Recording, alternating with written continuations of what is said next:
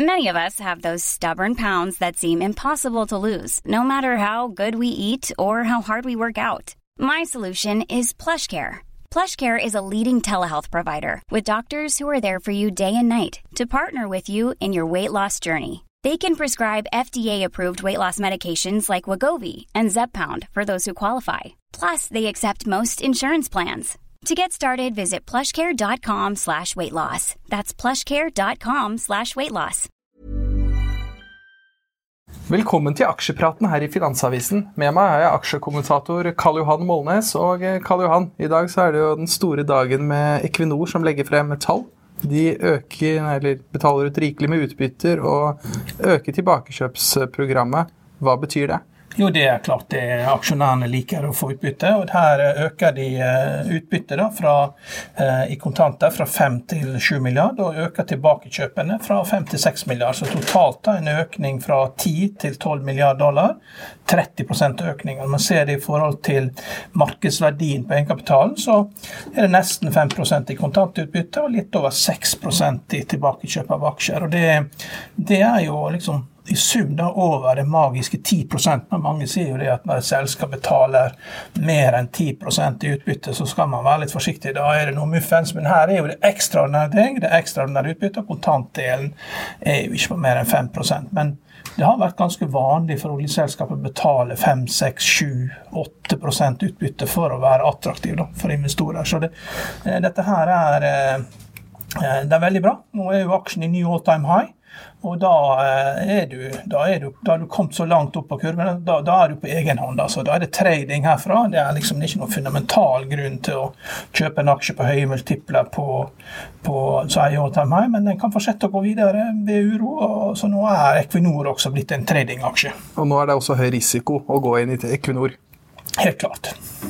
Så hva er ditt tips til eh, investorer som sitter og vurderer å kjøpe eh, Equinor-aksjer? Du, du, du, kan leke deg og trade, for det, det mangler jo momentum i markedet. Så, så, så, man må jo alltid eh, man sier, man må løpe der det brenner. Det er der det skjer. Og, og, og Equinor er en aksje, aksje, hvor det er action, men da må du trade for det det er verdt. Men, men det er klart nå er det ny all time high, og hvis den raskt trekker seg tilbake igjen fra det, så har jo du det teknikerne kaller double topp her, og det er jo ingen som er lykkeligere som aksjeinvestor enn de som er teknikere, for de leser jo bare chartene og får alle svarene sine der, og gjør ting veldig enkelt for seg sjøl. Så følg med på chartene hvis du vil gjøre det enkelt.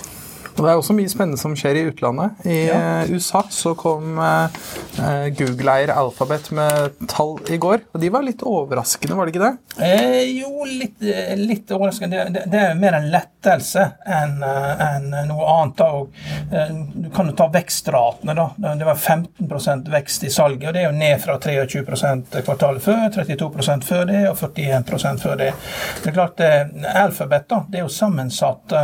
Du har en omsetning på 70 milliard, og, og, og salget var 1 milliard dollar under forventa. Og de som ser på tallene, liker nok ikke det. Sammensetninga likevel Google Search 40 milliard dollar. YouTube 7 milliard dollar. Men Cloud Division, altså skytjenesten, opp med 36% til 6 milliarder dollar. Det er klart Her er det, eh, det er viktig at eh, disse San Francisco-selskapene begynner å komme etter på skytjenester. For det er jo et marked som er dominert av Seattle-selskapene med Amazon og, og, Microsoft. Og eh, sky er det som vokser, det er det som gjør at det vokser sterkt. Altså 36% på skybaserte datatjenester. Det er det som gjør at man får god, god prising. Altså P på 19 på Alphabet.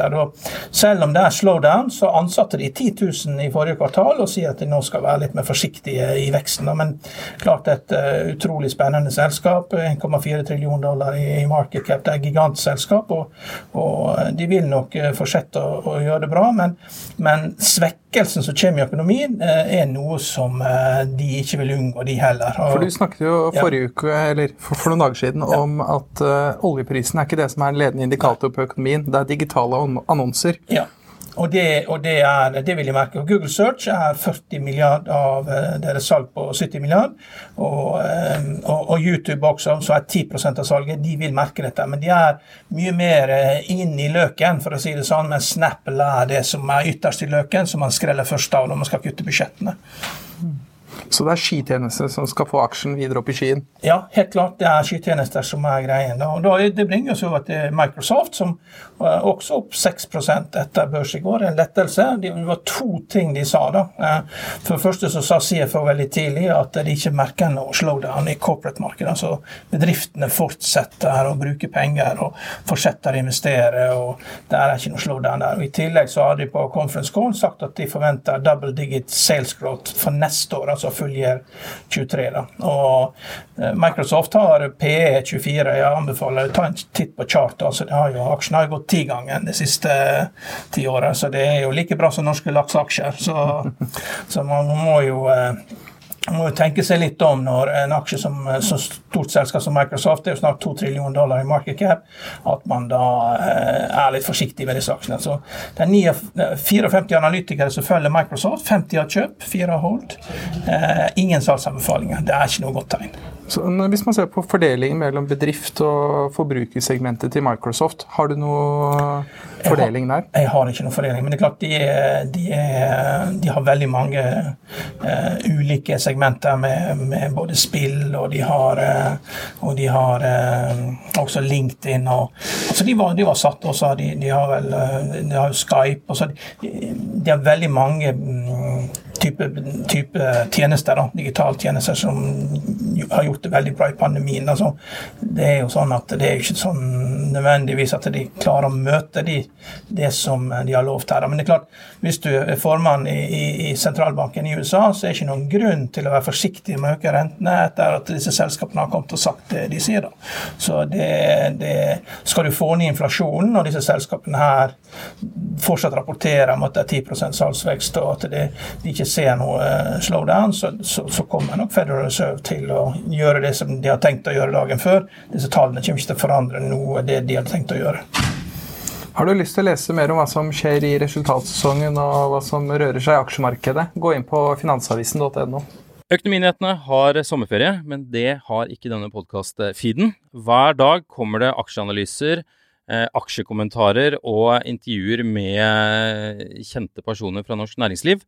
Så det er eh, ingen grunn til å legge vekk denne podkasten i sommer. Økonominyhetene er en podkast fra Finansavisen. Programledere er Marius Lorentzen, Stein Ove Haugen og Benedikte Storm Bamvik. Produsenter er Lars Brenden Skram og Bashar Johar. Og ansvarlig redaktør er Trygve Hegnar.